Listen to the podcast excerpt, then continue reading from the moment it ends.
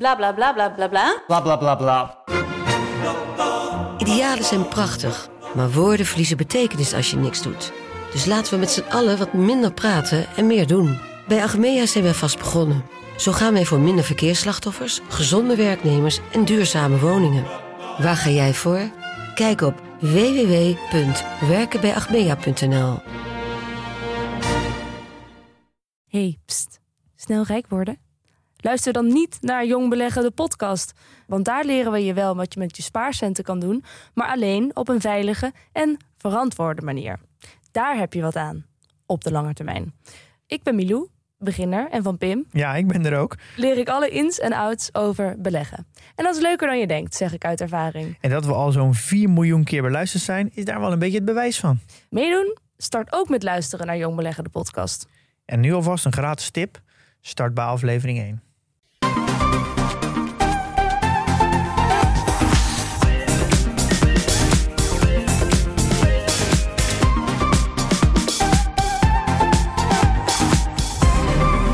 Welkom bij de Ride Podcast van woensdag 17 januari voor de Trending Topics in Tech. Ik ben Floris en ik zit hier met Erwin. Hey. We hebben daarnaast een gast, Frank Breukelman van Zonneplan. Hallo. Deze aflevering staat grotendeels in het teken van energie. Er is veel om te doen, zeker nu in de winter. We zien ook de interesse in het onderwerp, eh, die is enorm toegenomen op onze site. Ja, en er zijn gewoon ontzettend veel boeiende ontwikkelingen. Daarom doen we een deep dive. Zo. Frank, die weet er alles van. Dat hoop ik. Dat hoop ik. Daarnaast hebben we een reactie van eh, Bastiaan op de Samsung Galaxy S24. Gloednieuw. En eh willen batterijen door de vrieskou in je EV of e-bike niet meer opladen... en komt de Vision Pro spoedig naar meer landen. We gaan beginnen. Frank, welkom. Je bent, Ja, dankjewel. eh, je bent bij Zonneplan verantwoordelijk voor public relations... en volgens Erwin bijzonder goed ingevoerd over het onderwerp energie. Ja, goed om te horen. Ja, wij willen stilstaan bij de trends in energie en zullen ook ingaan op de nieuwe thuisbatterij van Zonneplan.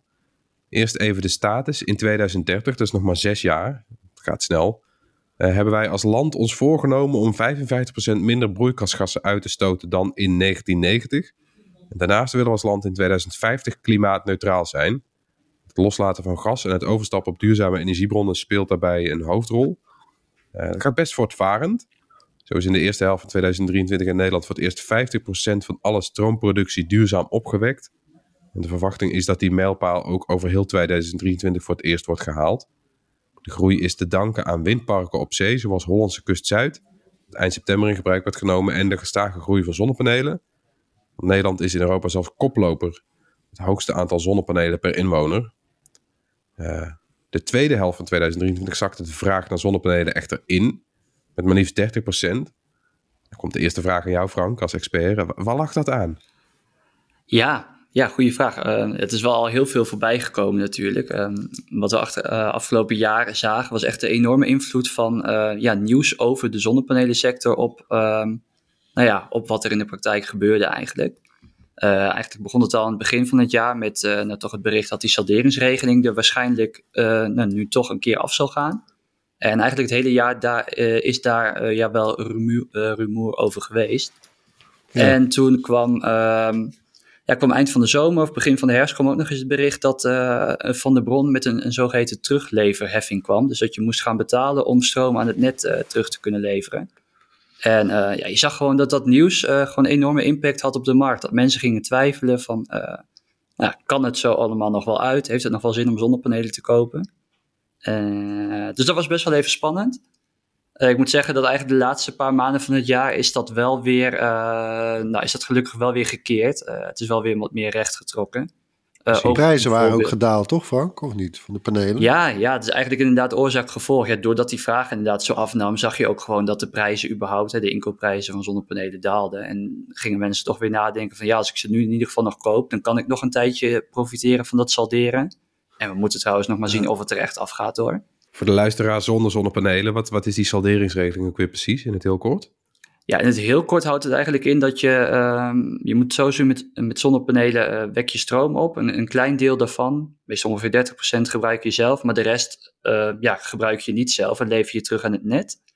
En de salderingsregeling houdt eigenlijk in dat je die stroom die je teruglevert, die mag je weer verrekenen met stroom die je op een later moment, bijvoorbeeld in de winter, als je zonnepanelen niks doen, eh, dat je dan weer stroom van het net afhaalt. Dat, dat trek je als het ware van elkaar af.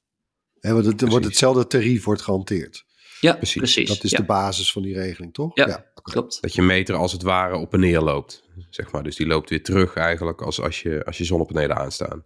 Ja, ja. vroeger met de, met, de, met de analoge domme meter ging dat inderdaad letterlijk dat hij inderdaad achteruit liep. En nu met de slimme meter is dat, eh, ja, wordt het gewoon met elkaar verrekend als het ware. Precies. En wat, wat, wat natuurlijk bedrijven zoals Zonneplan altijd zeggen, en daar zit natuurlijk ja, toch een hoop waarheid in, is veel Nederlanders willen vaak rekenen in hoeveel jaar heb ik ze terugverdiend. Mhm. En jullie zeggen van nou, eh, zelfs als al die regelingen wegvallen, is het nog steeds hartstikke prettig om gewoon eh, deels zelfvoorzienend te zijn met zo'n zonnepaneel, toch? Eh, nou ja, dat hoe dan ook inderdaad. Kijk, uiteindelijk draait het niet alleen om een financiële besparing. Ehm, maar goed, het moet ook wel realistisch zijn. Voor de meeste mensen geldt dat natuurlijk wel. Ehm, alleen hè, de berekeningen laten wel zien dat je inderdaad ook zonder salderingsregeling, eh, dat je die zonnepanelen nog makkelijk binnen, nou pakweg 10 jaar, dat is een beetje afhankelijk van hoe je rekent, maar in ieder geval gewoon snel terugverdient. Zeker als je bedenkt dat ze tegenwoordig gewoon 25, 30 jaar meegaan natuurlijk. Maar goed, blijft Hey, en ook... trouwens, eh, Frank, eh, je noemde ook eerder Van de Bron. Eh, van de week hadden we ook nog even het nieuws over budget energie. Dat is ook een energieaanbieder. die, die, hè, want Van de Bron was eigenlijk vooralsnog de enige leverancier. Het is ook een energieleverancier met relatief veel mensen met zonnepanelen. Ja, maar ze waren de enige die zo'n heffing invoerden. Budget Energie die wil iets gaan doen wat er een beetje op lijkt, maar dat is wel weer iets coulanter kun je zeggen. Hè? Die willen dan in de, eh, hoe zat het nou? In de, ze willen een heffing gaan heffen, maar in de zomer, als het eh, op de superpiekmomenten, dan willen ze eigenlijk gratis stroom gaan leveren. Als een soort ja dat klopt inderdaad. ja. tegemoetkoming. Ja, ja, volgens mij inderdaad in de zomermaanden eh, doen ze iets vergelijkbaars als Van der Bron. Dus inderdaad, ja, geld vragen voor het mogen terugleveren van, van stroom. Maar aan de andere kant krijgen, eh, ja, met name klanten zonder zonnepanelen, krijgen ze weer in de weekenden volgens mij. Ja. Eh, tijdens die zomermaanden krijgen ze gratis energie op de momenten dat het heel zonnig is. Ehm, Eh, Oké. eh, Nou, er is dus, wel eh, van alles aan de hand dus. Hè? De, de markt is zich wel aan het roeren. Ja, ah, je ziet eigenlijk dat iedere partij wel beseft dat ze iets moeten met, met de kosten van zonnestroom eigenlijk. Want dat is gewoon wat er mis is. Ja, die, die, die zonnepanelen leveren nu vooral in de zomer vaak zoveel stroom op dat het eigenlijk gewoon te veel is. En op de Ja. markt zie je dan dat de prijzen daardoor gewoon heel laag zijn. Maar dat energiebedrijf moet door die salderingsregeling die stroom wel heel, eh, ja, heel duur inkopen van hun klanten eigenlijk. En nou ja, daar verzinnen want, ze eh, allemaal want hun, eh, hun maniertjes Hoe, hoe, kijkt, eh, hoe kijkt Zonneplan eigenlijk aan tegen die salderingsregeling? Hè? Afgelopen voorjaar, vorig jaar dus, eh, Mhm. heeft de Tweede Kamer besloten die, eh, de afbouw per 2025 te starten. Eh, deze week nog, demissionair, demissionair minister Jette, die zei dat hij nog steeds eh, die 1 januari eh, 2025 wil aanhouden om daarmee te gaan beginnen. Hè. Mhm. En voor alle duidelijkheid, dan is de saldering niet meteen helemaal weg, hè, maar die wordt afgebouwd. Ja. Eh, volgende maand eh, buigt de Eerste Kamer zich dan eh, over die, eh, dat voornemen, eh, of die, die, die wetswijziging van de Tweede Kamer. Eh, maar goed, ja, eh, het landschap is natuurlijk wel veranderd. Er zijn verkiezingen geweest. De Eerste Kamer is eigenlijk al best wel, daar is rechts sterk vertegenwoordigd. Mhm. Eh, qua Tweede Kamer lijkt me natuurlijk nu ook op een rechtskabinet af te stevenen. Ehm, ja, gaat dat nog iets betekenen, denk je, voor dat voornemen om die salderingsregeling af te bouwen? Nou ja, het kan wel eens heel spannend worden inderdaad. Ja. Het, inderdaad, eerst moet de Eerste Kamer zich... eh, Het is in principe dus aangenomen, het wetsvoorstel om het af te bouwen in de Tweede Kamer. En nu moet de Eerste Kamer dat nog goedkeuren. Ehm, nu weet, hebben ze natuurlijk sinds, sinds vorig jaar dat met bijvoorbeeld een partij als de BBB daar heel sterk vertegenwoordigd is. Ja, Eh, precies. nou, zij zijn niet per se voorstander van het afbouwen van die regeling. Eh, maar ook eigenlijk een linkse partij, hoor, als GroenLinks PvdA, die, nou, die staat daar helemaal niet per se achter. Dus eh, het zou nog kunnen zijn dat überhaupt dat wetsvoorstel dus eigenlijk gewoon afgekeurd wordt. Maar daarnaast, stel dat het wel doorgaat, ja, we krijgen zometeen een, een nieuw kabinet. En nou ja, naar het zich laat aanzien, wordt dat toch een, een, ja, een kabinet met een andere richting in ieder geval dan, dan we de afgelopen jaren hadden. Dus dan zou het alsnog kunnen dat zij er, eh, nou ja, dat zij weer anders besluiten. Ja, precies. Ja, ja. ja. Ja. Hmm. Maar op je vraag trouwens, je eerste vraag van hoe kijkt Zonneplan daar tegenaan? Ehm ja, kijk, wij zijn natuurlijk van oorsprong een zonnepanelenbedrijf, dus we, nou ja, je zou kunnen verwachten van wij willen dat die salderingsregeling zo lang mogelijk blijft bestaan. Want ja, dan kopen mensen meer zonnepanelen. Dat is gewoon zo. Ja. Ehm, tegelijkertijd zien wij ook wel dat het echt tot, tot zulke nou ja, serieuze problemen op het net zorgt. En als je het verder doortrekt, dat het uiteindelijk ook die hele energietransitie juist vertraagt. Ehm, ja, dat wij ons ook wel kunnen voorstellen dat die regeling er eh, eh, vroeg of laat en waarschijnlijk vroeg eh, vanaf moet. Ja. Ja, want eh, je kunt ook bijna zeggen dat die, die salderingsregeling is heel succesvol geweest. Maar Ja, het werk is gedaan, zeg maar, van die regeling, toch? Hè? Het was, die was in het leven geroepen om mensen te stimuleren. Precies, aan het begin eh, was het gewoon zonnepanelen zo. te kijken. Ja, zonnepanelen konden gewoon simpelweg niet uit zonder subsidie inderdaad. Dus dat was op zich Ja. heel logisch. Maar ondertussen verdien je ze ook zonder salderen makkelijk terug natuurlijk. Ja. Ja. Hey, die, Ja, want eh, hoeveel, hoeveel duurder waren ze eigenlijk ooit? Toen die salderingsregeling in het leven werd geroepen, wa- was dat een factor 10? Oh, ik durf er geen getal Of op te plakken. Dat, dat durf ik je zo niet te zeggen eigenlijk. Maar dat, ja, dat zijn wel hele serieuze verschillen met wat er nu is. Plus die panelen zijn natuurlijk veel efficiënter geworden. Je had toen hele Ook grote ook. panelen, misschien wel twee keer zo groot, die maar de helft van het rendement hadden bijvoorbeeld. Dus ja, het is hard gegaan hè, met die ontwikkeling. Ja, dat gaat heel Dat snel. tof. Ja, Ja. zeker. Nee, maar we hadden het vooral over eh, ja, eigenlijk de problemen die eh, al die voortvarendheid in Nederland met, met duurzame energiebronnen eigenlijk inmiddels oplevert. Mhm. Eh, schets nog eens even goed dat beeld als je wil. Hè? Want waar zitten dan precies de, de pijnpunten? Ja, je zou eigenlijk kunnen zeggen dat er, dat er twee problemen zijn en die, ja, die lopen eigenlijk een beetje door elkaar heen. Of in ieder geval, die worden ook wel vaak met elkaar verward. Eh, je hebt aan de ene kant heb je dat er, ehm, eh, dat er onbalans op het net ontstaat. Dus dat wil eigenlijk zeggen dat eh, de vraag naar stroom op heel veel momenten van de dag eh, ja, niet overeenkomt met wat er op dat moment geleverd wordt. Eh, dat Ja. komt vooral doordat eh, bijvoorbeeld, nou ja, de zon is toch vrij onvoorspelbaar. Eh, we denken Ja. dat we het weer heel goed kunnen voorspellen, maar in de praktijk, praktijk zien we nog steeds vaak dat er eh, ja, toch veel meer of juist veel minder zonne-energie wordt opgewekt dan we bijvoorbeeld een dag van tevoren verwachten. En dan kan er maar allerlei dingen zitten. Hè? Zonsterkte, sluierbewolking, toch eh, onverwachts. Of Ja, hè, precies. de, bij de minste geringste verandering eigenlijk is er al bij wijze van spreken in, balans, hè? onbalans. Precies, ja. ja. Ja, En dan kun je misschien denken van ja, wat maakt dat nou uit? Dat is toch prima, daar hebben we lekker veel zonnestroom. Maar in de praktijk is het wel heel belangrijk dat vraag en aanbod precies met elkaar matchen. En dat heeft dan te, eh, te maken met de frequentie op het net. Die moet altijd 50 hertz blijf- eh, blijven. Aha. En de netbeheerder moet dat regelen. Dus die moet eigenlijk elke seconde van de dag kijken van of de balans nog in orde is. En als dat niet het geval is, moeten ze heel snel schakelen. Want in het ergste geval, en dat gebeurt gelukkig niet zo snel hoor, maar eh, in het ergste geval valt gewoon de stroom uit als die, als die eh, frequentie niet goed. eh, Of ze, of ze zetten Niet in orde is. toch? Als dat nodig zou zijn. ik kan me voorstellen dat zo'n netbeheerder dan inderdaad zelf ingrijpt voordat het, voordat het helemaal misgaat. Ja, precies. Ja. Oké, dus Ja. dat is het ene probleem. Wat is het andere probleem? Wat dan Dat is het ene probleem. misschien? Het andere probleem, eh, dat, is, dat, dat noemen we dan congestie of netcongestie. Ehm, en dat Verstopping, is- toch? Ja, dat is verstopping inderdaad. En dat, eh, wat we net zeiden, dat, dat onbalansverhaal, dat zit hem eigenlijk ja, over het hele, hele landelijke net eh, heen. En netcongestie is veel meer een lokaal probleem. Ja. Eh, wat je ziet dat vooral in, in wijken met veel zonne, eh, huizen met zonnepanelen of bijvoorbeeld eh, een groot zonnepark. Eh, daar zie je dat de spanning op het net gewoon eh, op hele zonnige dagen te, te hoog oploopt. Dus dat wil zeggen, de kabels zijn eigenlijk gewoon er niet op, op voorbereid om zoveel stroom in zo'n korte tijd eh, op, een, op een bepaalde plek te kunnen verwerken. Juist.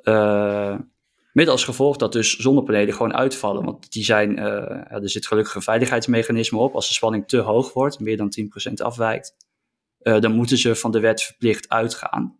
Oh ja. Eh, dat is hartstikke zonde Ook wel een natuurlijk. veilig idee dus. Ja. Dat is, dat is inderdaad een veilig idee, maar aan de andere kant is het hartstikke zonde. Want het is, Ja. het is op zo'n moment dus zonnig. En dan kom je er aan het eind van de dag achter dat jouw zonnepanelen niks gedaan hebben, omdat de buren ook zoveel opwekten, zeg maar. ja, dat is niet de bedoeling, nee. Nee, er gaat gewoon hartstikke veel, nou eigenlijk CO2-vrije stroom mee verloren.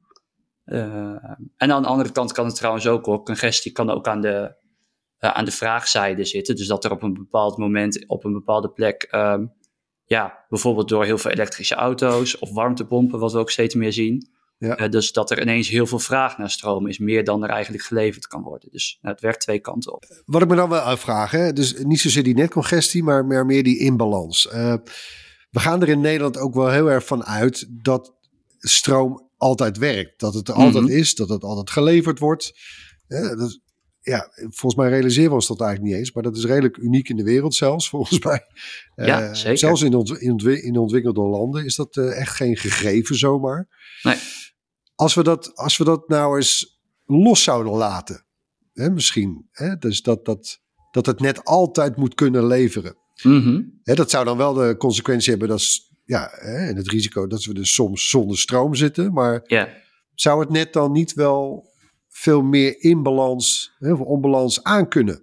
Hè, en zouden daarmee bedrijven die nu in de wachtrij staan of nieuwbouwwijken die, ja, waarvan de stroomaansluiting niet kan worden afgerond, omdat Mhm. het gewoon in die pijp past op dit moment, zouden die daar dan niet mee geholpen zijn? Eh, Dat is een lastige afweging natuurlijk, Ja, maar dat is sowieso een lastige afweging. En, en dit is eigenlijk juist het, het, het tweede stukje wat we net bespraken. Dat is eigenlijk het stukje netcongestie. Dus ehm, dat er inderdaad in een bepaalde, eh, op een bepaalde plek inderdaad een bedrijf geen nieuwe aansluiting kan krijgen. Omdat er gewoon al, eh, ja, omdat het net al te zwaar belast wordt in die, in die buurt. Ehm, dus ja, je zou dan inderdaad, nou ja, dat is letterlijk wat er nu gebeurt. Er wordt gewoon gezegd van ja, nee, er komt nu geen aansluiting bij. We gaan niet meer stroom leveren. Ehm, ja, ik weet niet. Zou jij want, daarmee want kunnen... anders komt, hè, anders komt het, eh, het gegeven in gevaar dat we iedereen kunnen leveren. Ja, precies Ja. inderdaad, ja. En ja. als, je dat, als je dat los zou laten. Eh, weet Nee, ik niet, zou je daar zelf... Nee, op zich wel interessant. Zou je daarmee kunnen leven als, eh, als je bijvoorbeeld elke dag een bepaald... een paar uur of een, een deel van de dag gewoon geen stroom zou kunnen gebruiken? Ja, gewoon echt Amerikaanse toestanden. Ja, Wat, precies. wat, wat denk jij, Floris? Nou, ik had wel mijn, mijn, mijn schoonbroertje, die zat laatst in, eh, in Zuid-Afrika. En daar heb je dat inderdaad. Van die rolling blackouts. Mhm. Dan weet je gewoon, tussen twee en vier heb ik, eh, had, had hij had hij zeg maar op, op 9 van de 10 stopcontacten in huis had hij geen stroom. Dan hield hij er eentje over, zodat je toch nog wel iets had. Dat was dan Ja. het compromis of zo. Ja, dat is niet relaxed hoor. Dat, eh, ik had hier laatst ook onderhoud aan het net. eh, en dat, dat is dan aangekondigd. Dan zeggen ze gewoon, je hebt van 10 tot 4 heb je geen stroom. Nou, voorbereid, weet je wel. Ook eh, water warm gemaakt en zo van tevoren dat ik toch iets had.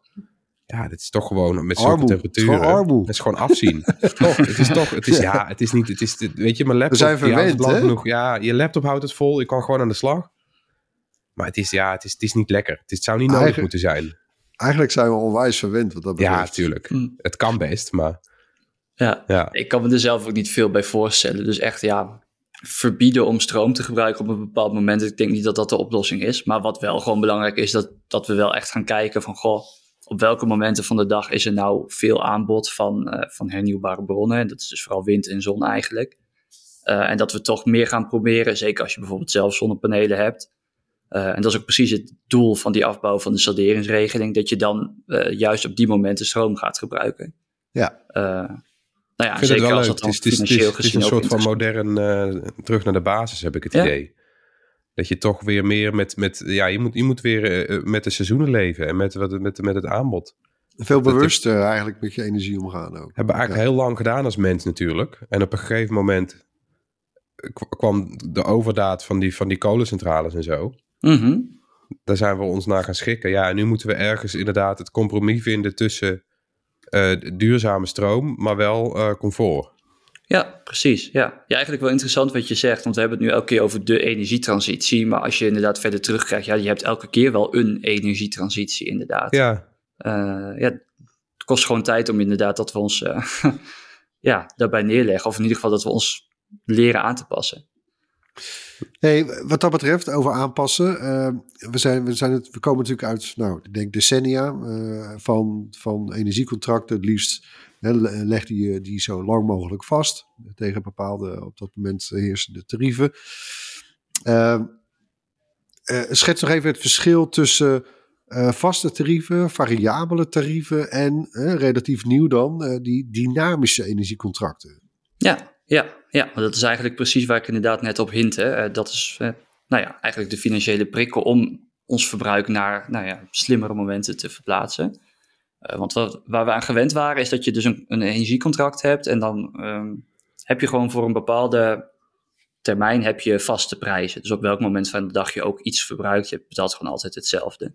Nou, bij een vast contract leg je dat bijvoorbeeld voor een jaar vast, of twee jaar, of soms zelfs vijf jaar. En bij een variabel contract kan dat in principe elke maand aangepast worden. Maar dan nog is altijd je prijs wel hetzelfde, eh, ongeacht wanneer je verbruikt. En bij dynamische energiecontracten, die vooral afgelopen jaar heel erg sterk gegroeid zijn in aantallen, ehm, ja, werkt dat anders en is de stroom, uh, in ieder geval de stroomprijs elk uur van de dag anders. En de gasprijs, uh, ja, die wisselt per dag. Uh, maar wat, wat vooral dus interessant is, is die stroomprijs, want die is echt gekoppeld aan de markten. En in de praktijk komt het erop neer dat de prijs lager is op het moment dat er veel aanbod van nou ja, hernieuwbare bronnen is. En dat de prijs juist wat hoger is op het moment dat daar een tekort aan is. Ja. Uh, dus dat is echt die prijsprikkel om inderdaad mensen te bewegen tot nou ja, wat bewuster energieverbruiken. Ja, en Zonneplan is trouwens een van die partijen in Nederland, energiebedrijven, die zo'n dynamisch energiecontract aanbiedt. Je hebt ook nog uh, Energy Zero, daar werkt de AMB bijvoorbeeld mee. Uh, Tibber, uh, Next Energy, hè, er zijn er nog meer. ik zag ook nog Frank Energy. dat ben jij niet, hè, toevallig Frank? Dat is niet een soort side business voor jou, hè, toch? Nee, nee, nee, daar heb ik niks mee te okay, maken. Nee, nee, ja, nee. Just, just checking. Hm. Maar wat mij uh, waar ik er nog even aan moest denken in dit verband. Eh, Zonneplein heeft eerder wel eens een bericht uitgestuurd over, eh, met, zeker in de jaren met het energieplafond. dat hebben we net afgerond. toen natuurlijk vorig jaar door de Oekraïne-oorlog de, de, de prijzen enorm omhoog gingen. of was het nou weer het jaar daarvoor zelfs? Ja. Nou, anyway. maar dat, toen hebben jullie uitgerekend, hè, want de meeste mensen die nu een dynamisch energiecontract nemen, dat zijn doorgaans mensen met zonnepanelen. Um, uh, maar jullie hebben zelfs wel eens uitgerekend dat, ook al heb je die niet, dan kan het nog steeds wel aantrekkelijker zijn financieel om een dynamisch energiecontract te hebben in plaats van vaste prijzen. Ja, ik zou zo zeggen dat een dynamische energiecontract en, en zonnepanelen, dat, dat staat echt totaal los van elkaar eigenlijk. Ja, ja. Ik weet ook niet of het per se zo is dat inderdaad vooral mensen met zonnepanelen zo'n contract nemen hoor. Volgens mij. Eh, nee? Ik oh, denk okay. eigenlijk nou, niet dat dat, dat, dat per se zo is. Nou ja, wat me in ieder geval bijstaan van dat bericht was dat uh, in dat dure jaar, hè, dat dure energiejaar voor iedereen, toen het prijsplafond actief was, uh, dat dus uh, ja, dat, dat mensen met een dynamisch energiecontract daar zelden gebruik van hebben gemaakt. Ja, dat klopt. was één. En dat Ja. ze dikwijls ook nog financieel dus uh, slimmer of beter uit waren dan mensen met een vast contract. Ja, nou, wat je eigenlijk vooral ziet is dus inderdaad dat die, de tarieven lager zijn gemiddeld genomen. Dus dat was inderdaad de reden dat ze gewoon überhaupt qua prijzen niet boven dat plafond uitkwamen. Um, maar iets anders wat je ook wel heel duidelijk ziet is dat um, zeker op het moment dat je live inzicht hebt in je verbruik en daar ook direct uh, uh, ja, de kosten aan gekoppeld ziet uh, worden in je app. En je Um, gedrag op aanpast. Precies, je past je gedrag erop aan. Uh, maar je ziet je ook heel erg geconfronteerd worden met, nou ja, ook bijvoorbeeld met gasverbruik. Van wat kost het mij nou op zo'n dag als ik de dag, als ik de, de, thermostaat een keer een, een, graad hoger zet. Ja. En ja, wat het gevolg daarvan is, is dat je ook gewoon echt ziet dat nou, mensen met een dynamisch energiecontract gewoon aantoonbaar minder energie ook verbruiken, zeg maar. Ja. Dus niet alleen lagere prijzen, maar ook gewoon, ja, dat is zo'n gevleugelde ja. uitspraak van de goedkoopste energie is de energie die je niet gebruikt. Heel flauw, maar dat is natuurlijk wel zo. Ja, ja. Ja, ja, nou ja de tijden van uh, de thermostaat op 20 graden laten staan en dan van huis gaan, die, die, die zijn wel voorbij, ja. Precies, precies, ja. Zo hè, ja. Ja, ik heb dus ook zo'n dynamisch uh, energiecontract en ja, ik, ik, ja, wij hebben hier ons, hè, bij ons thuis onszelf eigenlijk echt aangeleerd inmiddels om, om de vaatwasser dus niet s'avonds om 7 uur na het eten aan te zetten. En de wasmachine nee, niet ochtends dingen, uh, ja. na, hè, voordat je de deur uit gaat. Nee, die, we gebruiken gewoon de timer op die apparaten en zetten die, uh, en stellen die zo in dat dat op een, uh, op een gunstiger moment op de dag gebeurt. Kan ook moest je midden in de lang nacht aan, zijn, hè, trouwens. Moest je daar lang ja. aan wennen eigenlijk? Nou, nee, ja, kijk, in dit geval daar zit er natuurlijk een app bij en dat, dat helpt wel bij die bewustwording. Ja. En je ziet het, ja, als je het ziet, hè, wat ook het verschil is bijvoorbeeld in tarieven, Mhm. ja, dan ga je ook eerder handelen volgens mij. Maar goed, eh, ja, jullie hebben een spannende week trouwens, Frank, hè, bij, bij Zonneplan. Want uh, jullie lanceren een nieuwe thuisbatterij. Ja, dat hebben we ook nog uh, in het Ja. hele energieverhaal. Uh, voordat we daar even nog wat dieper op ingaan trouwens. Hoe, hoe past de thuisaccu in het algemeen, zeg maar, uh, in, in, in het energieplaatje voor Nederlandse huishoudens? Waar, waar stond de thuisbatterij uh, tot voor deze week? Nou, laat ik het zo zeggen. Ik, ik gok dat dat geen, geen van onze luisteraars naar deze podcast iemand kent die een thuisbatterij in huis heeft. Of misschien dat het een enkeling is, maar dat, dat geeft wel wat aan. Uh, het is gewoon ja, totaal nog- circa 5000 huishoudens geloof ik in Nederland. Hè? Zo'n Dat was schatting. onze schatting inderdaad, ja. Ja, Ja. dat klopt inderdaad. Dat, zijn, En, dat, is, eh, dat is bijna niks eigenlijk. Zo- nee, nee. En ehm, nou ja, goed. En waarom is dat, denk je? Ik wil zeggen, de meest voor de hand liggende reden daarvoor is dat het gewoon financieel gezien nog, nog geen meerwaarde heeft. Eh, batterijen zijn, of waren tot vandaag, eh, vrij duur in aanschaf. Dat is één ding. Maar er is ook gewoon nog niet echt een, een, een verdienmodel. En je denkt heel gauw aan het opslaan van je eigen zonne-energie natuurlijk. Eh, Zodat je het bijvoorbeeld later weer kunt gebruiken. En dan hoef je natuurlijk later dus geen stroom van het net af te nemen. Word je meer zelfvoorzienend. Ehm, maar zolang die salderingsregeling nog geldt. En je dus eigenlijk ook gewoon eh, gratis, tussen aanhalingstekens, stroom terug mag leveren. Ja, dan verdien je daar niks mee. Nee. Eh, dus dat is sowieso, volgens mensen met zonnepanelen was het dus nog niet interessant. En dan heb je natuurlijk nog hè, de, de optie met het dynamische energiecontract. Eigenlijk dus dat je op eh, goedkope momenten stroom gaat opslaan en op dure momenten het weer gaat terugleveren of weer gaat gebruiken. Nou, dan wordt het natuurlijk al iets interessanter. Eh, daar zit wel een verdienmodel achter. Alleen in de praktijk zul je dan alsnog merken dat je zo'n batterij nou, niet binnen de verwachte levensduur, of nou, laten we zeggen niet binnen 10 jaar terugverdient. Ja, oké. Eh, dus ja, Hey, en wat, dat want wat doet Zonneplan? eh, Wat is er dan anders aan die nieuwe thuisbatterij van jullie? Nou, wat het eigenlijk is, eh, als we nog even weer aanhaken bij die dynamische prijzen, eh, die komen echt tot stand op basis van een verwachting, een dag van tevoren bijvoorbeeld, nou, wat de vraag en wat het aanbod zal zijn, en daar rolt dan een prijs uit. Je bedoelt, hè, je bedoelt die uurprijzen die mensen met precies. een dynamisch energiecontract in hun app zien staan. Ja. En waar, waar, waarna ze kunnen handelen. Exact, ja. Eh, ik bedoel, qua gedrag. Ja, Eh, ja. kunnen ze inderdaad. Ja, precies. Ehm, maar wat we ook al in het begin van deze aflevering zeiden, van ja, vooral die zon, die is best wel onvoorspelbaar. En ehm, daardoor zie je in de praktijk dat ehm, ja, vraag en aanbod op de dag zelf, en zeker als het een zonnige dag is, eh, lang niet altijd matchen. Daarnaast kunnen natuurlijk nog allerlei andere factoren zijn die de, daartoe kunnen leiden dat bijvoorbeeld eh, dat er minder stroom geleverd wordt. Eh, Er kan een probleem zijn met de centrale ergens. Eh, nou ja, je kunt van alles bedenken. Dat is die onbalans weer, hè? Waar Precies, het dan ontstaat er het net. inderdaad onbalans. En wat we ook al zeiden, het is gewoon extreem belangrijk dat de netbeheerder dat herstelt. En ehm, ja, afhankelijk van hoe groot die onbalans is, en er zijn er weer verschillende markten waarop die balans hersteld eh, moet worden. Ja. Eh, maar afhankelijk van de grootte van die onbalans eh, nou, ja, zijn er vergoedingen voor om eh, dat te herstellen. Dus is er een tekort aan stroom, dan krijg je een vergoeding op dat moment om op dat moment meer stroom te leveren eh, dan je van tevoren had aangegeven, bijvoorbeeld. En andersom werkt het hetzelfde. En eh, nou goed, al, al met al zijn die vergoedingen gewoon ja, veel hoger dan de prijzen die je nu met een dynamisch energiecontract in je app ziet. Maar daar, kunnen we, daar, kunnen, daar kan de consument niet bij. Nee, Toch? Nee, en dat gaan we dus anders doen. Ehm, we hebben als het wa- ware al die ja, balanceringsmarkten, noem ik het maar eventjes, maar alle nou, denkbare energiemarkten die er zijn, die hebben we samengebracht op een, eh, eh, ja, een energieplatform, Powerplay noemen we dat. ja. Dus er komen eigenlijk real-time alle prijzen binnen die er op de verschillende markten zijn. Eh, er komt dan ook de status van alle accu's die onze klanten zometeen hopelijk hebben samen. ja.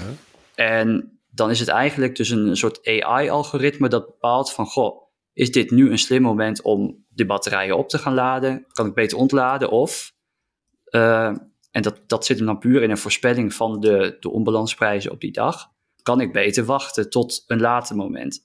ja. Waarbij het grappige dus is dat, eh, ja, het geeft het al aan, het is een real-time prijs, dus je weet niet wat er, eh, wat er de rest van de dag gebeurt.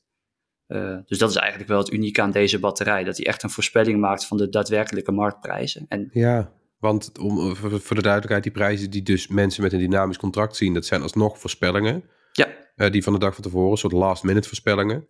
In de praktijk veranderen die prijzen om de minuut natuurlijk. Daar kan je als consument eigenlijk niet op inspelen, realistisch Klopt, gezien. Je klopt. kan moeilijk bij je wasmachine gaan zitten en pauzeren en een minuut later denken, oh shit, maar nou breekt de zon door. Ik nee, zet hem weer aan. nee, nee, sterker nog, het is soms op sommige gevallen zelfs een, een, een, ja, een seconde spelletje. Dus dat, nee, daar, daar kun je zelf zeker niet iets mee. Eh, Maar die batterij van jullie, die kan wel, bij wijze van spreken, seconde aan, seconde uit, seconde aan.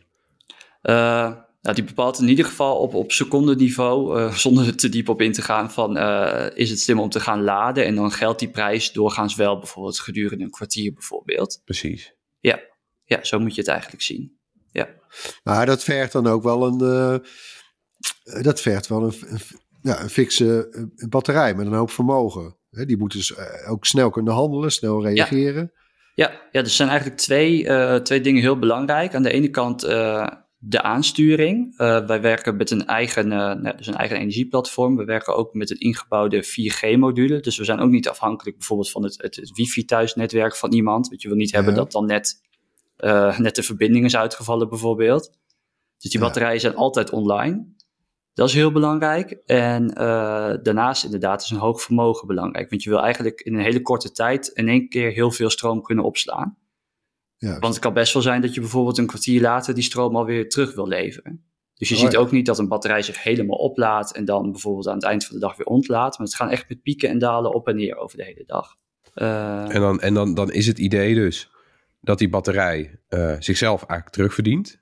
Door op die mhm. manier uh, namens jou eigenlijk te handelen op die energiemarkt. Op een manier die je tot nu toe als consument, nou ja, die, die, die lag buiten bereik. Ja. En wij hadden op de redactie dit gesprek. Uh, met collega's. En die riepen van, nou, wat, wat nou als ik een hoop geld ga lenen? Mm Dan koop ik zoveel mogelijk actie. En dan is het een soort van bitcoin minen. Ook, ook een apparaat dat namens jou staat te draaien en geld oplevert. Snap je, snap je die reactie? Ja, nee, dat snap ik heel goed. En het klinkt haast een beetje pervers natuurlijk. Hè? Van, ha, ik heb een soort van hack ontdekt en daarmee ga ik nu heel erg veel geld verdienen aan, ja, aan de problemen op het stroomnet. Uh, ja, ik snap die reactie wel, maar in de praktijk is het dus puur zo. En dat ja, wat mij betreft zet je inderdaad de hele kelder vol met batterijen. Moet je wel een hele grote aansluiting nemen. Dat kost ook weer een hoop geld trouwens. ja. ja. Maar uh, ja, hoe meer batterijen, hoe, ja, eigenlijk hoe meer je dus ook dat stroomnet kunt helpen. Dus ja. ja er is ook een collectief belang hier eigenlijk. Precies. Het is een collectief belang, dat is zeker zo inderdaad. Ja. Waarbij het wel altijd zo is dat je, nou, als je de consument wil overtuigen om mee te doen, dan moet er wel iets van een prijsprikkel achter zitten. Ja, sure. Ja, we blijven Nederlanders. Ja, we blijven Nederlanders, ja. De vergelijking met bitcoin gaat in zoverre op dat bitcoin natuurlijk gewoon een beetje een verzinsel is wat de gekke vergeeft. Precies. Uh, energie hebben we allemaal nodig. Ja. En door zo'n thuisaccu te nemen, nou ja, help jij in het, in, het, in, in, de, in het bufferen van die onbalans eigenlijk. Exact, exact. En lever jij door jouw kapitaal in te zetten. Ja, word je, mm word je beloond voor het inzet van jouw kapitaal op een moment dat dat kennelijk nodig is. Ja, ja. en die rol die was dus hiervoor wel belangrijk. Uh, was dus gewoon puur en alleen weggelegd voor ja, met name gascentrales en in sommige gevallen kolencentrales. Dus uh, dat oh, zit er natuurlijk achter. Eigenlijk zet je hiermee uh, ja, die gascentrales buitenspel. Die zijn niet langer nodig op, op heel veel momenten. Nou, dat, geeft ook, dat is ook wel een prettig idee. Ja. ja. Hey, en, en even voor alle duidelijkheid. Die, die, die thuisaccu die, die kan wel wel degelijk naast dat hij dus het net helpt, uh, even heel simpel gezegd. Mhm. Eh, hij kan dus ook wel degelijk nog als accu voor jou thuis fungeren en waar je stroom in opslaat. Ja, ja. ja mocht je bijvoorbeeld dus, zonnepanelen hebben. Precies, ja. Het is niet ons primaire doel om jou zoveel mogelijk zelfvoorzienend te maken of zo met je zonnepanelen. Um, want dat levert gewoon niet het hoogste rendement op. Um, wat wel, wat we ook al zeiden, ja, die onbalans wordt vooral vaak veroorzaakt door uh, nou, een overschot aan zonnestroom. Dus in de praktijk zul je wel zien dat als die batterij gaat laden, dat dat ook vaak het moment is dat je zonnepanelen veel opwekken. Dus dan slaat hij inderdaad automatisch de stroom uit je zonnepanelen op. Ja, ja oké. Ja. Hey, en en in dat, in dat, omdat, in dat rijtje misschien nog even een vraag die uh, misschien nog even teruggrijpend op die garantie, een soort, soort de facto garantie die we in Nederland hebben dat er altijd stroom is. Stel, mhm. dat, dat is niet zo. Uh, het zijn die Amerikaanse toestanden opeens. Uh, we krijgen vaker blackouts. Zou dan zo'n accu, zoals, zoals thuisaccu's was in de VS ook worden gebruikt, maar zou die ook als backup kunnen fungeren? Zou die, stel de stroom valt uit van het net, en zou je dan de opgeslagen stroom in die batterij in huis kunnen gebruiken? Uh, nou, als je het over die accu hebt die wij nu vandaag op de markt brengen, nee, die kan dat niet. Uh, Oké. Nee, dat kan hij niet. Nee. Maar goed, we hebben dan dus ook. Dan moet je, daar moet je eigenlijk gewoon zo'n prepper uh, batterij voor aanschaffen in, uh, voor dat scenario. Ja, als je dat heel belangrijk vindt, kun je dat doen. maar ja, al met al hebben we volgens mij het meest betrouwbare net van, van heel Europa. Dus ik, ja, weet ik niet. Ik zou er zelf niet heel gauw aan beginnen, denk ik. Ja, want de grap is, door zo'n batterij te kopen loop je eigenlijk uh, een beetje vooruit. Want uh, onze, onze netbeheerder Tenet, die, die, koopt, die, ja, die gaat ook in batterijen doen. Mm -hmm. Die gaat zelf ook een buffer bouwen. Het worden enorme batterijparken. Ja. Maar ja, is natuurlijk, dat duurt wel een poos voordat er in Nederland genoeg, weet je wel, regeltjes, bouwen, koop. Nou, voor we daar zijn, zijn we een paar jaar verder. Mm -hmm. uh, is de verwachting van Zonneplan dat, dat zo'n batterij al die tijd, en zelfs als ook Tenet zelf een buffer heeft, dat zulke batterijen dan uh, nuttig blijven, dat er vraag blijft naar, naar deze werking? Ja, zonder meer. Zonder meer. Kijk, uiteindelijk moeten we natuurlijk in, uh, nou ja, hebben we klimaatdoelstellingen voor 2030 en 2050.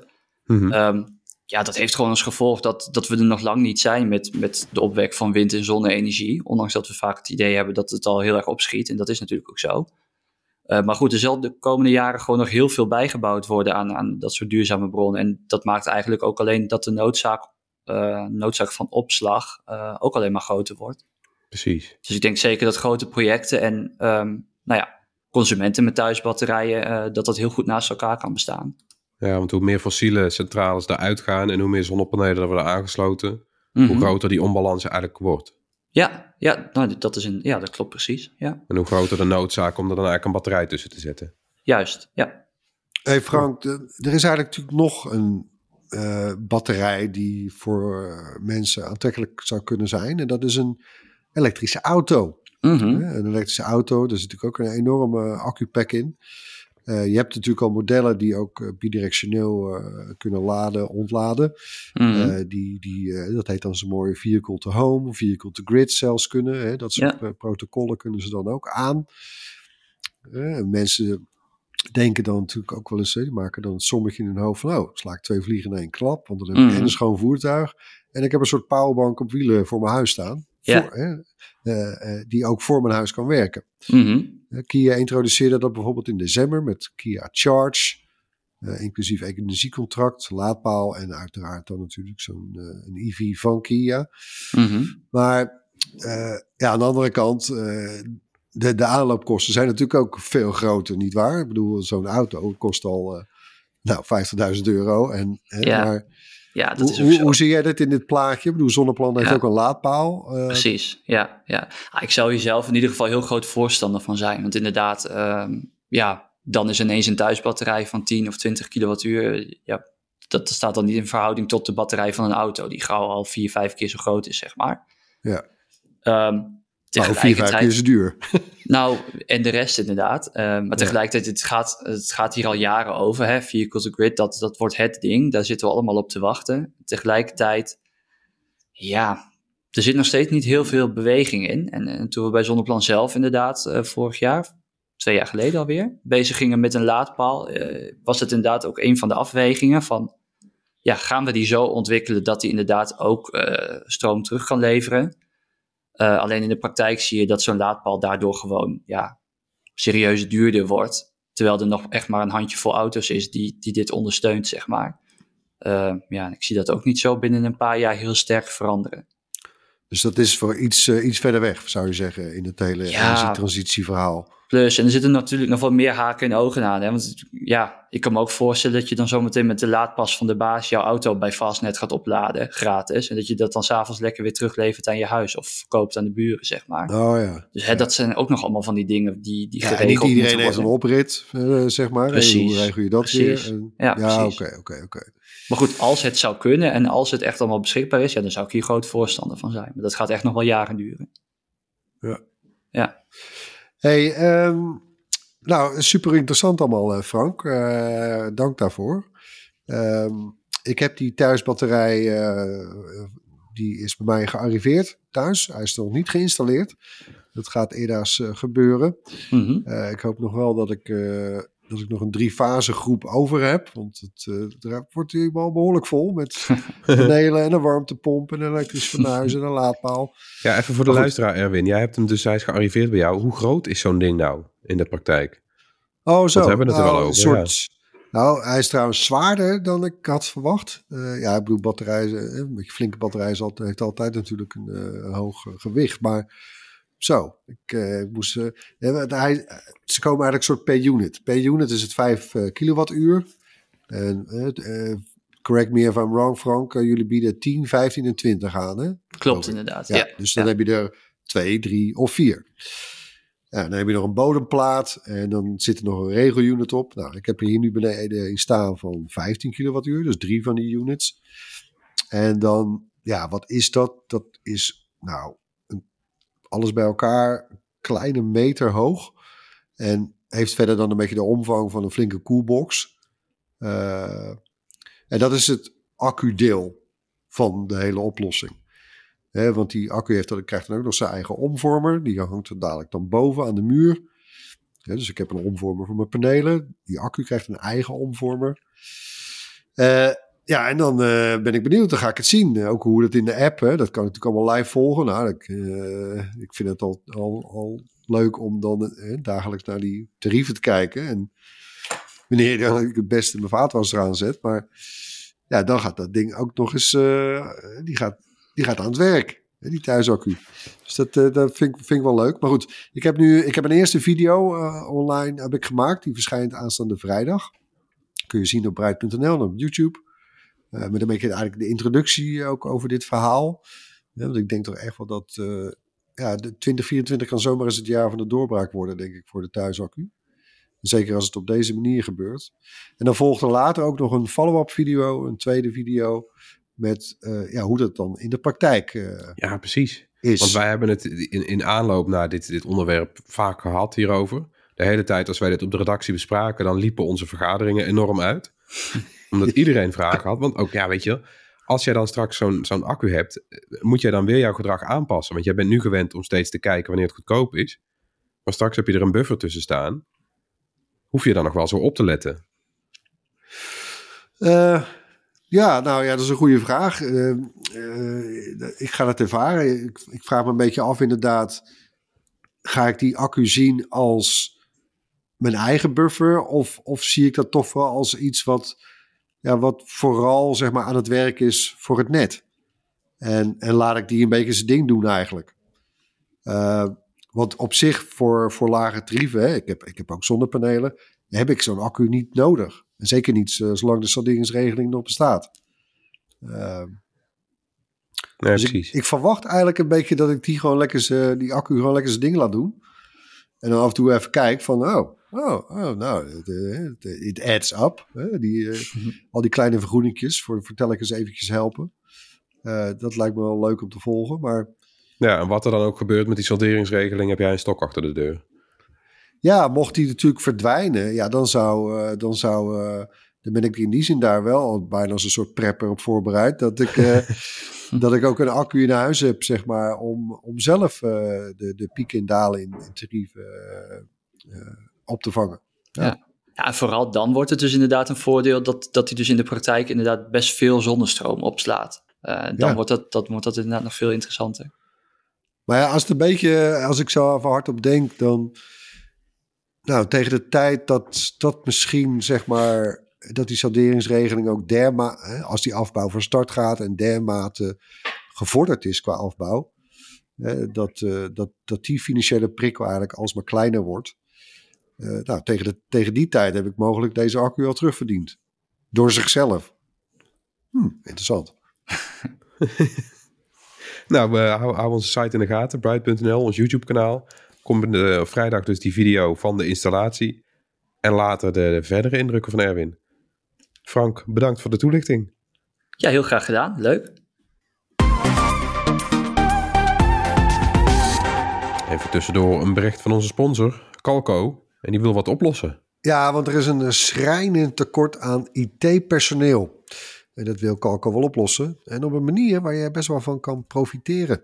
Ja, want eh, als je naar de Bright Podcast luistert, ben je waarschijnlijk geïnteresseerd in technologie. Dus waarom niet doorbetaald omscholen naar IT? Daar kan Calco bij helpen. Inderdaad, want bij Calco krijg je gewoon doorbetaald. Terwijl je een traineeship in de IT volgt. Je moet dan wel al een HBO of WO-diploma hebben. Maar je inkomen komt dus niet stil te staan. Dat is wel lekker. Ja, ja, je gaat eerst de schoolbanken in. Dan krijg je zowel de harde IT-skills als de specifieke sociale vaardigheden die je bij IT-bedrijven nodig hebt. Zodat je ook een beetje met de mensen kan omgaan daar. Dat, uh, dat, lijkt me ook wel een goede set, ja.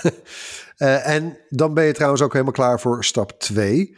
En dat is verder leren op de IT-afdeling van een top 200 bedrijf in Nederland. Begeleid door Calco. En dan kun je denken aan bedrijven als KLM of Achmea, Rabobank, Ahold. Hè, dat, uh, dat, is, dat kaliber. Calco heeft dan, uh, daar dan speciale talent matchers voor. Hè, die zorgen dat jij bij het bedrijf uh, gaat meelopen dat echt bij je past. Ja, en zo'n traineeship duurt ongeveer twee jaar. En in die tijd hou je contact met de persoonlijke coach van Calco. En daarna kan je in bijna alle gevallen door bij het bedrijf waar je toch al meeliep. Dat bedrijf neemt je dan ook echt in dienst. Tot die tijd krijg je via Calco betaald. Ja, en je kan alle kanten op, hè, van echt van zakelijk IT tot automatisering, data, infrastructuur, uh, you name it. Check calco.nl, dat is C-A-L-C-O, voor alle informatie. Tijd voor het hoorspel. Laten we luisteren naar het geluid van vorige week. En? Niemand wist het. Nou. Het is in ieder geval niet het Sonos TruePlay geluidje, dat dacht iemand aan. Maar waar het wel vandaan komt, van een Ja? veelbesproken gadget van de CES. Ja, meer zeg ik niet. Aha. Laten we nog eens luisteren. Een idee. Ja. Zoals altijd de vraag, denk je dat je weet wat het is? Mail dan naar podcast.bright.nl en maak kans op dat Bright t-shirt. Samsung heeft zijn Galaxy S24-serie gelanceerd, zojuist. Ze zijn eh, volop uitgerust met AI-functies. Het is alles niet. En iets goedkoper geworden. Dat is wel weer lekker. Eh, Bram heeft er een video over gemaakt. Kun je vanavond al zien op bright.nl. En eh Bastiaan, jij was ook bij de presentatie. Ja, vertel eens, die AI-functies. Wat hebben ze daar weer bedacht? Ja, nou, het is sowieso grappig dat dat er natuurlijk in zit. Want als je kijkt naar smartphones de afgelopen jaren, het is altijd een beetje van ja, ze zijn sneller, maar je oude was ook sneller. Dus daar, ik vroeg me soms een beetje af waarom moet je een nieuwe telefoon kopen. Maar nu Ja. zitten ze vol in op die AI onder het mom van ja, weet je, er zitten gewoon nieuwe dingen in je telefoon. Er is iets mee te doen. Het voelt ook veel frisser en leuker dan wat je daarvoor had. Maar eh, concreet, het zijn een paar dingen. Ehm, zoals bijvoorbeeld dat je eh, tijdens een telefoongesprek kan de AI meeluisteren en live vertalen. Dus als jij in het Chinees aan het bellen bent eh, met een Fransman of zo, dan gaat het alle kanten op en dan begrijp je elkaar gewoon de hele tijd. Eh, je, je toetsenbord kan je teksten opmaken. Dus als jij een hele grote platte tekst hebt met een of andere recepten, dan maakt hij dat mooi met plaatjes en bullet points. Of hij kan de toon van je sms'jes veranderen. Dat als je een beetje jolig bericht hebt getikt en denkt van, oh wacht, dit is voor mijn baas. Maak er Oh, dat iets is netjes handig van. voor als je s'avonds uh, dronken, eh, dronken sms... hè? Absoluut. Drunken texting heet dat toch? Geloof ik, ja. Ja, Ja, en, eh, en, en heel, veel, heel veel van die fotobewerkingsfuncties die we natuurlijk ook al een beetje van de pixels eh, bij Google hadden. Dat je zeg maar objecten in foto's kan verplaatsen. Of als je een foto recht zet en van die schuine hoekjes hebt, dat hij dan pixels kan bedenken en het beeld eigenlijk Oh, voor ja. je invult. Eh, heel veel van dat soort dingetjes ook. Huh. dat is wel leuk. En die Dat is wel tekstdingetjes? nuttig eigenlijk ook. Ja, het, voelt- het voelde als vooral praktische dingen. Ik denk ook dat, dat dit de manier is om een smartphone aan de man te brengen. In plaats van dat je het over processorkracht of wat, of wat dan ook gaat hebben. Ik moet wel zeggen, er zitten wat kanttekeningen bij. Bijvoorbeeld die live vertalingen klinkt heel cool. Werkt nog niet in het Nederlands. Ah. Eigenlijk iedere taalgerichte AI-functie kwam het antwoord bij van nee, is nog niet in het Nederlands. Dus het het een en ander kunnen we hier nog niet in onze eigen taal gaan gebruiken. Maar het- het het zijn vooral heel veel praktische dingetjes. Ja, want ik moet zeggen, die beeldbewerkingsdingen, ja, dat is altijd wel leuk. Het is niet iets wat je per se elke dag gebruikt, maar het is zoiets dat als je dan weer zou gaan naar een toestel zonder, dan mis je het. Dan denk je van, ja, wat is dit nou? En het is ook een beetje de USP van de Pixel eh, smartphone natuurlijk. Dus die, die verliezen eigenlijk wel een beetje een, een edge, kun je zeggen. Ja, je zou je kunnen afvragen in hoeverre. Dat, eh, bijvoorbeeld, het wordt natuurlijk allemaal onder de Galaxy AI gevoegd. Eh, het is allemaal Galaxy AI als Samsung vraagt, maar het is natuurlijk ook gewoon allemaal Android. Het zou natuurlijk best kunnen dat dit wat functies zijn die ze hebben, die ze hebben over mogen nemen van de Pixel. Dat er een Ja. deeltje met Google ligt. Er zit ook een andere Google-functie in waarbij ze eh, heel nauw met het bedrijf hebben samengewerkt. Dus het is echt een soort van vriendschappelijke relatie. Dus dat je bij Magic een foto- Eraser bijvoorbeeld, kun je dat nu ook op een Galaxy dan, of niet? eh eraser specifiek weet ik niet zo snel. Ik heb wel objecten heen en weer voor zitten verplaatsen. Dus dat moet haast wel, toch? Want de eraser is gewoon een plattere versie van dat je het object ook nog op een andere plek Ja, kan zetten. ja. Ja. Huh. En die AI-functies, zijn die dan ook uit eh, S24 afhankelijk? Dit, dit komt niet naar de eh, oudere modellen, of wel? Ze verkopen het echt specifiek als eh, S24 eh, functionaliteit. Ik kan me voorstellen Ja. dat het een en ander nog wel in latere updates misschien nog naar beneden wordt getrokken naar de S23. Maar ze verkopen het echt als van dit is de AI-telefoon. Precies. en verkopen. Eh, tegen welke prijs? Want dat is ook wel interessant, hè? Ja, de, de laagste vanafprijs uh, die ik had gezien had was uh, 8,99 voor de, het goedkoopste, simpelste model. Dat is 50 euro minder dan de S23 vorig jaar. Hetzelfde geldt ook voor de S24 Plus. Die is ook 50 euro goedkoper. Alleen de goedkoopste versie van de Ultra die is een tientje duurder geworden. Maar als je dan weer een uh, opslagcapaciteit uh, hoger gaat, dan is hij weer 50 euro goedkoper, zo'n hele rekensom. Oh, ja. Voor de linie zijn ze over het algemeen wel in prijs gedaald. Dat doet nou, denken de, aan de iPhone, hè? De goedkoopste iPhone, de 15, die kost, uh, die kost 9,69. Dus dat scheelt toch uh, 70 euro. Ja, ja. mm -hmm. Best lekker. Maar, oh. maar goed, ze liggen bij elkaar. De iPhone ja. was ook iets goedkoper dan het jaar daarvoor. Goede trend, zou ik zeggen. Dat blijven de camphanen ook, hè? De Apple, ja, Apple joh, die en hebben, ze hebben samen uh, nou ja, praktisch uh, driekwart van de markt in handen in Nederland. Dus uh, ja. Ja. Die kijken alleen maar naar elkaar bij deze prijsverhalen, denk ik. we zitten natuurlijk ook in een, hele kostencrisis dat alles en zo stijgt. Maar ik denk dat zolang Apple niet stijgt, stijgt Samsung ook niet en andersom. Ik denk dat, Nou- dat die, die gewoon voor elkaar in check houden. Hey, en uh, kijken naar elkaar. Uh, jij hebt hem in je handen gehad, ik nog niet. Maar het lijkt toch, uh, als je met je, met je ogen, als je een beetje ver af staat, lijkt het gewoon net alsof je een iPhone vast hebt. Ja, ook wel als je dichterbij staat hoor. Grijs, ja? Ja, nou, het is, ik zat te denken, je hebt er 2011, 2012 had je al die rechtszaken hè, tussen Samsung en Apple over dat de Samsung te veel lijkt op een iPhone. Ik heb het idee dat daar misschien iets verjaard is of zoiets. Want dit is gewoon heel erg leentje buren spelen bij de iPhone. In ieder geval bij de twee, goedkoopste, uh, twee goedkopere modellen. De Ultra is nog wel echt een Samsung telefoon wat dat betreft. Ja. Um, ja, aan de andere kant, ik vind het zelf niet eens zo heel erg. Want ik, ik was zelf nooit echt fan van die afgeronde hoekjes die op, Sam, op Samsung-telefoons zitten. Dit is veel meer een soort van plat, strakker apparaat. En ja, weet je, iedere smartphone staat ook gewoon een stuk glas met een antenneband eromheen. Dus dat, dat het naar binnen naar elkaar toe trekt, is misschien ook niet het raarste van de wereld. En dat titanium, is dat alleen dan bij de Ultra of hebben ja, alle alleen bij de Ultra inderdaad. Dus oh, dat ja. is echt, uh, net als bij de Apple bij de Pro-telefoons, is dat bij de Ultra bij Samsung. Dus dat is echt uh, hun premium materiaal. Hey, ik zag al een uh, fragment uh, uit Brams video. En die was eigenlijk vooral te spreken over het uh, Plus model. S24 Plus. Want die is natuurlijk ja, aantrekkelijker geprijsd dan de Ultra. Mm -hmm. Je hebt wel uh, dat enorme scherm. En die pen, ja, heb je die nou eigenlijk nodig? Uh, hoe, hoe, kijk jij naar die drie uh, modellen? Nou, ik denk dat ik er wel hetzelfde als Bram in sta hoor. Want je merkt sowieso dat de, de, de Plus en de Ultra zitten qua specificaties best dicht tegen elkaar aan. Ik bedoel, de Ultra is nog wel het beste van het beste. Maar echt van die, van die marges dat je denkt van... oh ja, die iets snellere processor, uh, iets meer RAM. Dat ik denk van ja, voor dat kleine verschil wil ik er zoveel meer voor betalen. De, uh, de camera setup is dan bijvoorbeeld, die is identiek? Die is wel anders inderdaad. Dus, dus bij, bij de Ultra heb je een 200 megapixel camera. Maar ja, als jij, als je een video- of fotomaker bent en je zit er professioneel in... zou je dan misschien een Ultra kopen? Ik heb echt... Voor mij is alles boven de 50 megapixel is dat pure overkill hoor. Ik ga echt niet ja. meer betalen om naar de 200 te springen. Het is insane ja, om dat te doen. Het gaat om een, om een verschil van 300 euro hè. Het is ook niet niks. Het is, het is veel geld. En ik denk dat heel veel mensen gaan denken dat... Uh, van, oh weet je, die, die, die plus, dat is eigenlijk gewoon alles wat ik ervan wil. Misschien ligt het ontwerp jou ook meer. Dan, persoonlijk ligt dat iPhone-achtige ontwerp mij ook meer. Dus ik zou ook eerder voor de plus kiezen. Ik kan me voorstellen dat het bij meer mensen zo speelt. Huh. Ja, het is in dat kader ook wel boeiend. Want nou ja, we zien dat Samsung meer kijkt naar Apple. Blijkbaar weer een beetje meer dan de, dan de afgelopen jaren. Mm -hmm. En uh, in, in recente cijfers werd misschien wel duidelijk waarom. Want voor het eerst ooit uh, is de iPhone wereldwijd de best verkochte telefoon geweest in 2023. Het is al wel eens voorgekomen dat uh, Apple bovenaan stond in een kwartaal, weet je wel. Vaak dat kwartaal waarin nieuwe iPhones uitkomen. Nou, dan was even dat kwartaal de iPhone de best verkochte, maar dan alsnog. Over het jaar genomen was Samsung uh, de afgelopen 13 jaar uh, elk jaar het populairste smartphone-merk met de meeste verscheepte toestellen en het grootste marktaandeel en zo. Ja, dus je hebt het niet eens dus... over een specifieke model, maar gewoon nee. alle, alles bij elkaar. Alle telefoons bij elkaar. Daar was Samsung gewoon ja, heer en meester. Uh, dat is ingezet in een tijd eigenlijk voor de iPhone al. Want de laatste keer dat Samsung op nummer 2 kwam, was Nokia de nummer 1. dat kan je Zo. nagaan. Ja, wow. Zo lang is dat geleden.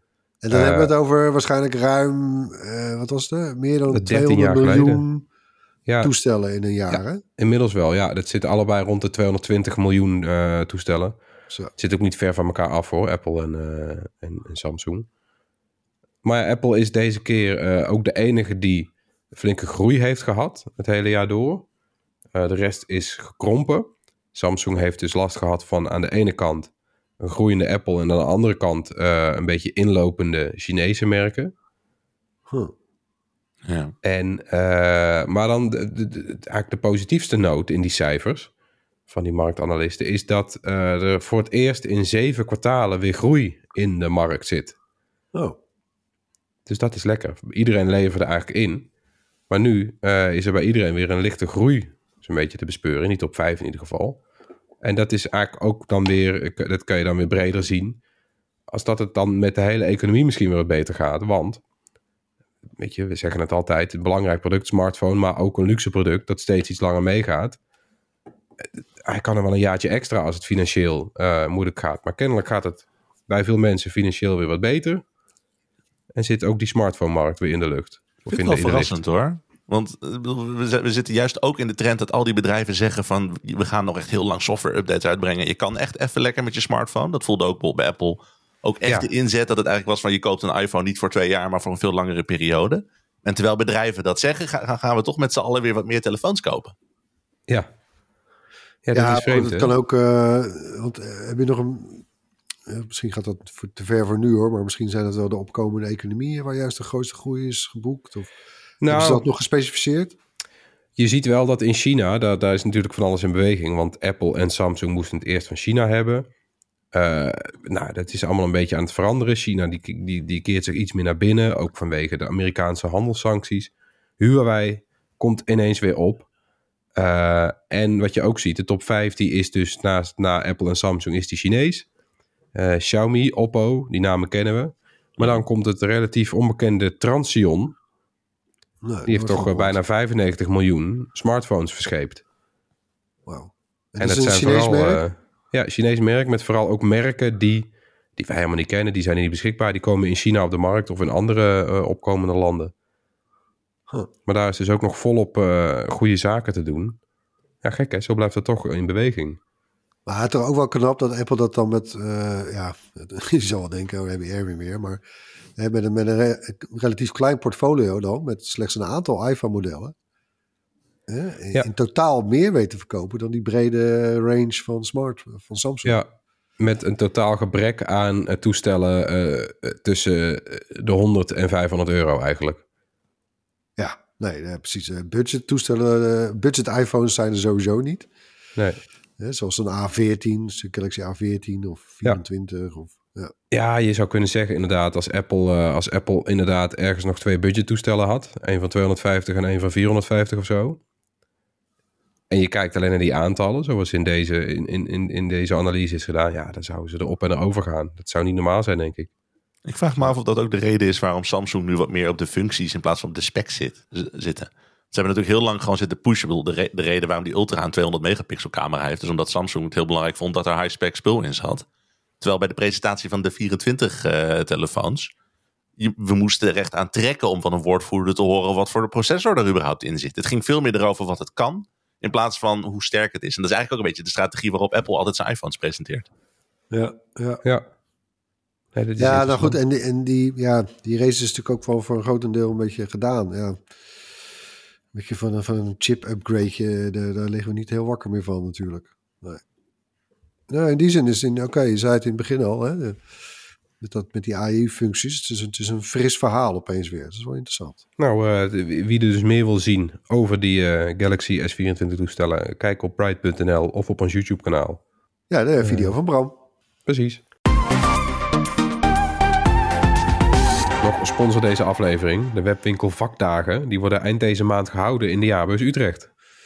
Ja, en eh, mocht je denken van jeetje, nog een... eh, ja, bij, bij ons moet de schoorsteen ook roken, dus bear with us. Maar ja, wij vertelden het vorige week al, een speciaal evenement rond webwinkels en digital commerce. Ehm, ja, want webwinkels zijn toch voor veel internetondernemers het begin van hun succes geweest. Precies, en als je ook dat succes wil, eh, dan is het gebied misschien dus wel een mooi startpunt.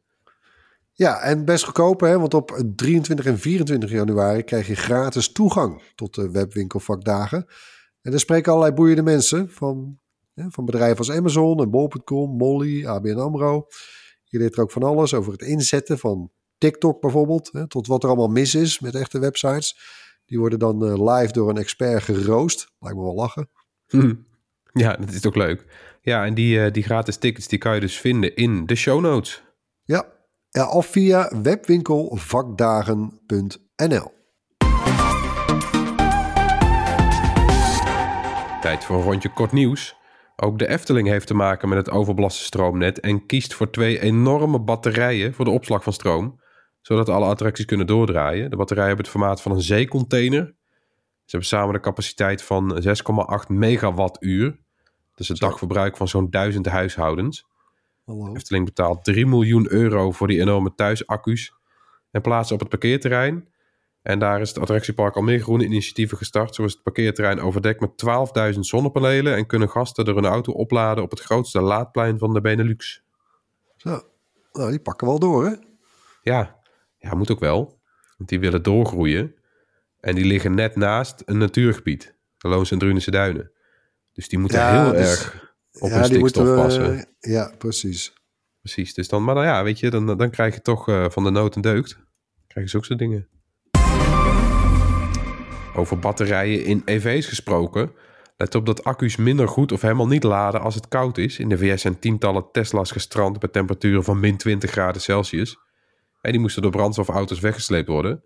Dat geldt natuurlijk ook voor de batterijen in e-bikes. Ja, nou inderdaad. Ik merkte dat. Ik heb eh, bij mijn eigen e-bike, ik heb een Ace 2 van, van, van Veloretti. En die staat bij mij in de schuur en die is onverwarmd.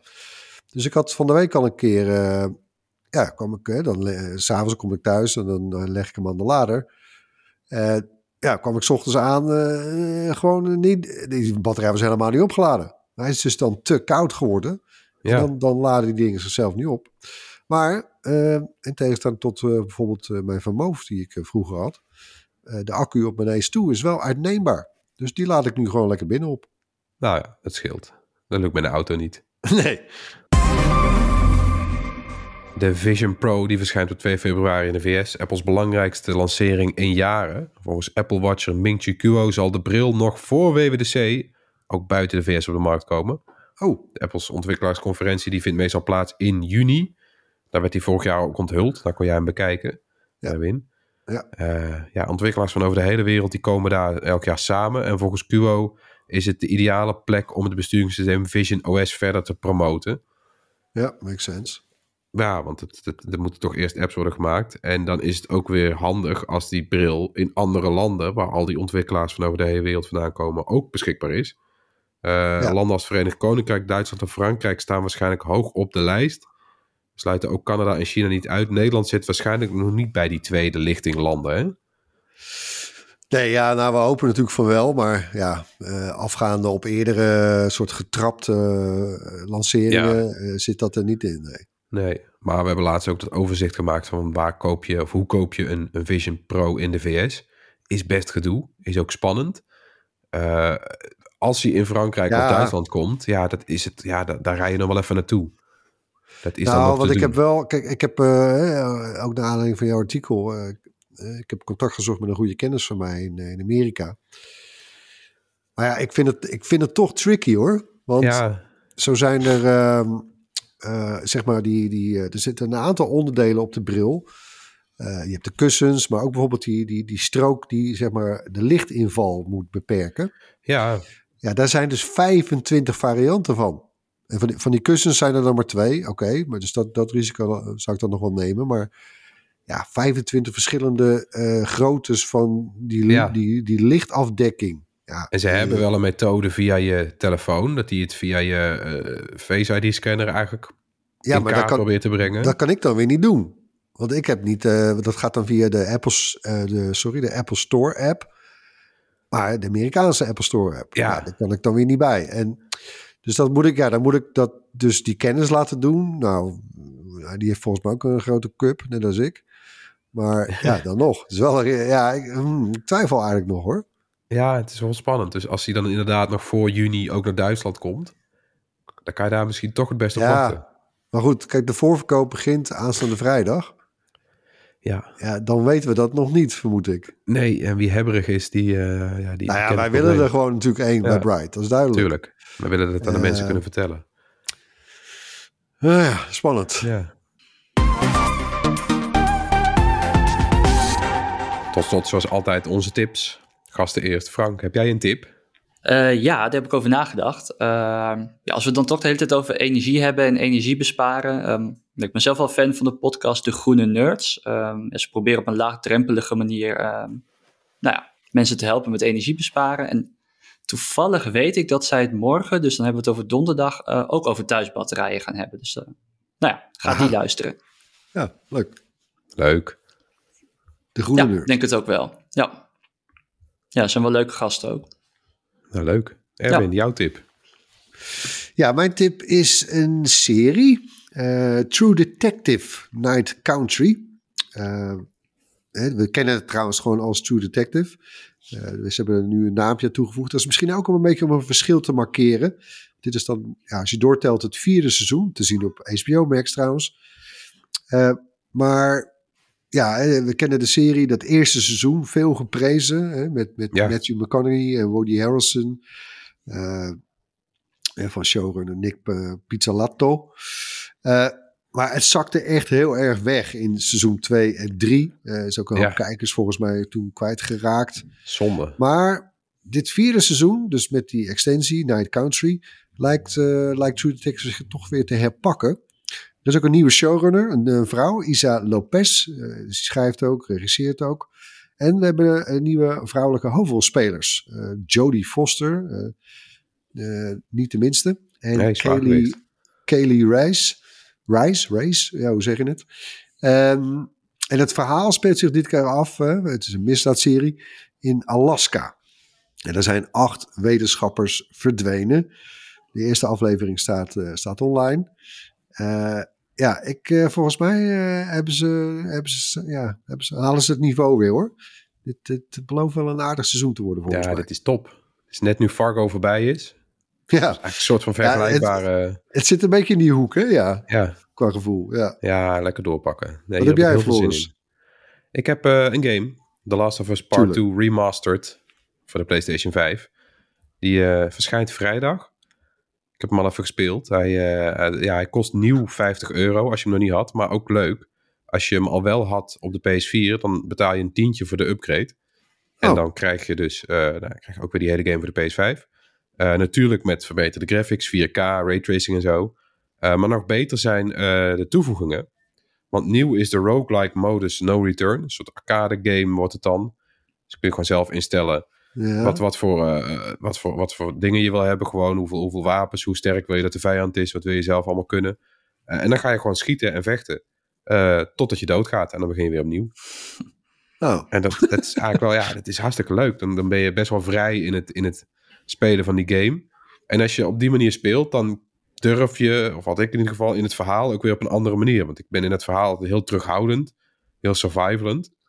Ja, Ik ja. weet dat dat verhaal er eigenlijk op inspeelt. Want stiekem, uh, als je de Last of Us speelt, als jij heel veel schiet, zul je meer kogels vinden. Als je heel weinig schiet, vind je minder kogels. Dat is een ja, beetje... maar ja, dat, nou, het is goed dat je het zegt, want dat, dat weet je natuurlijk niet. Dat weet je niet, nee. Dus je, Dus Je bent ja, heel zuinig. al Met je Je bent zuinig, maar je kan eigenlijk best wel all-out gaan. En daar wordt het veel meer een soort van actiefilm van. Ah, En dat zie je in. No Return. Uh, en daarnaast zitten er drie deleted scenes in de remaster. En dat zijn dus drie levels die de game uiteindelijk niet gehaald hebben. Die zijn in verschillende fases van, van uh, gevorderdheid. Uh, soms met haperende animaties en zo. Uh, en dan wordt er uh, door de gameregisseur Neil Druckmann... wordt dan van tevoren verteld van dit ga je spelen... en uh, hierom en hierom zat het niet in de game. Dat is ook oh, maar hartstikke die zijn wel speelbaar. Die zijn wel speelbaar. Dus dat is ook wel, Oké. dat is wel een leuk extraatje natuurlijk. Maar en, vrijdag, en eh, ga je dan, hebben we dit, ja, Last of Us, part 2. Ik bedoel, part 1 was al te gek, maar Ja, part 2 is een soort all-time classic. ja. Ga jij hem weer helemaal opnieuw spelen? Nee, ik heb dan, uh, uh, dat, dat, kan ook nog, je save uh, van de PS4 kan je inladen. En ik had hem uit. Oh. En als je hem uit had, dan kun je gewoon ook level select doen. Dus ik heb dan gewoon, dat ik denk van, oh, dit vond ik hele vette onderdelen van het spel. Die wil ik nog wel even opnieuw doen. Ah, dat heb ik de oh, dat is wel afgelopen tijd handig. gedaan. Ja, dus dat is, ja. Maar het is een, en een tientje voor de upgrade. Maar ja, in mijn geval, ik heb een PS4 Pro. Dan zou ik dus ook een PlayStation 5 moeten kopen. Ja. Dat is een beetje een dure upgrade. ja, Want die, eh, die, die remaster, die komt alleen voor de, eh, voor de 5 uit. Ja, dat is echt Oh. een PS5 remaster. Nee, het is heel vet. Vrijdag eh, verschijnt hij. Ja, en Bas, had jij nog een tip? Ja, eh, als je deze podcast luistert in de week dat hij verschijnt, dan is op dit moment Games Done Quick weer bezig. Dat is, uh, dan gaan een week lang sluiten een hele grote groep nerds sluiten zich op in een Amerikaans hotel. Die gaan dan op livestream gaan ze dan constant games zo snel mogelijk uitspelen, terwijl ze geld ophalen voor het goede doel. Het is echt een beetje het serious request voor gamers, wat er nu eigenlijk gaande is. Ja. Het is altijd super leuk om te kijken, want het is heel. Die speedruns zijn altijd een beetje technische verhalen. Ik, ik, hou het ook altijd niet helemaal bij. Maar omdat het dus nu zo'n groot event is, leggen ze het altijd heel leuk uit wat ze nou eigenlijk doen. Er zit een publiek achter wat te zitten juichen en met allemaal in-jokes en zo die erbij zijn. En uh, hoogtepunt dit jaar, die is al geweest, die kun je alvast terugkijken. Dat is de run van de NES game Gyromite.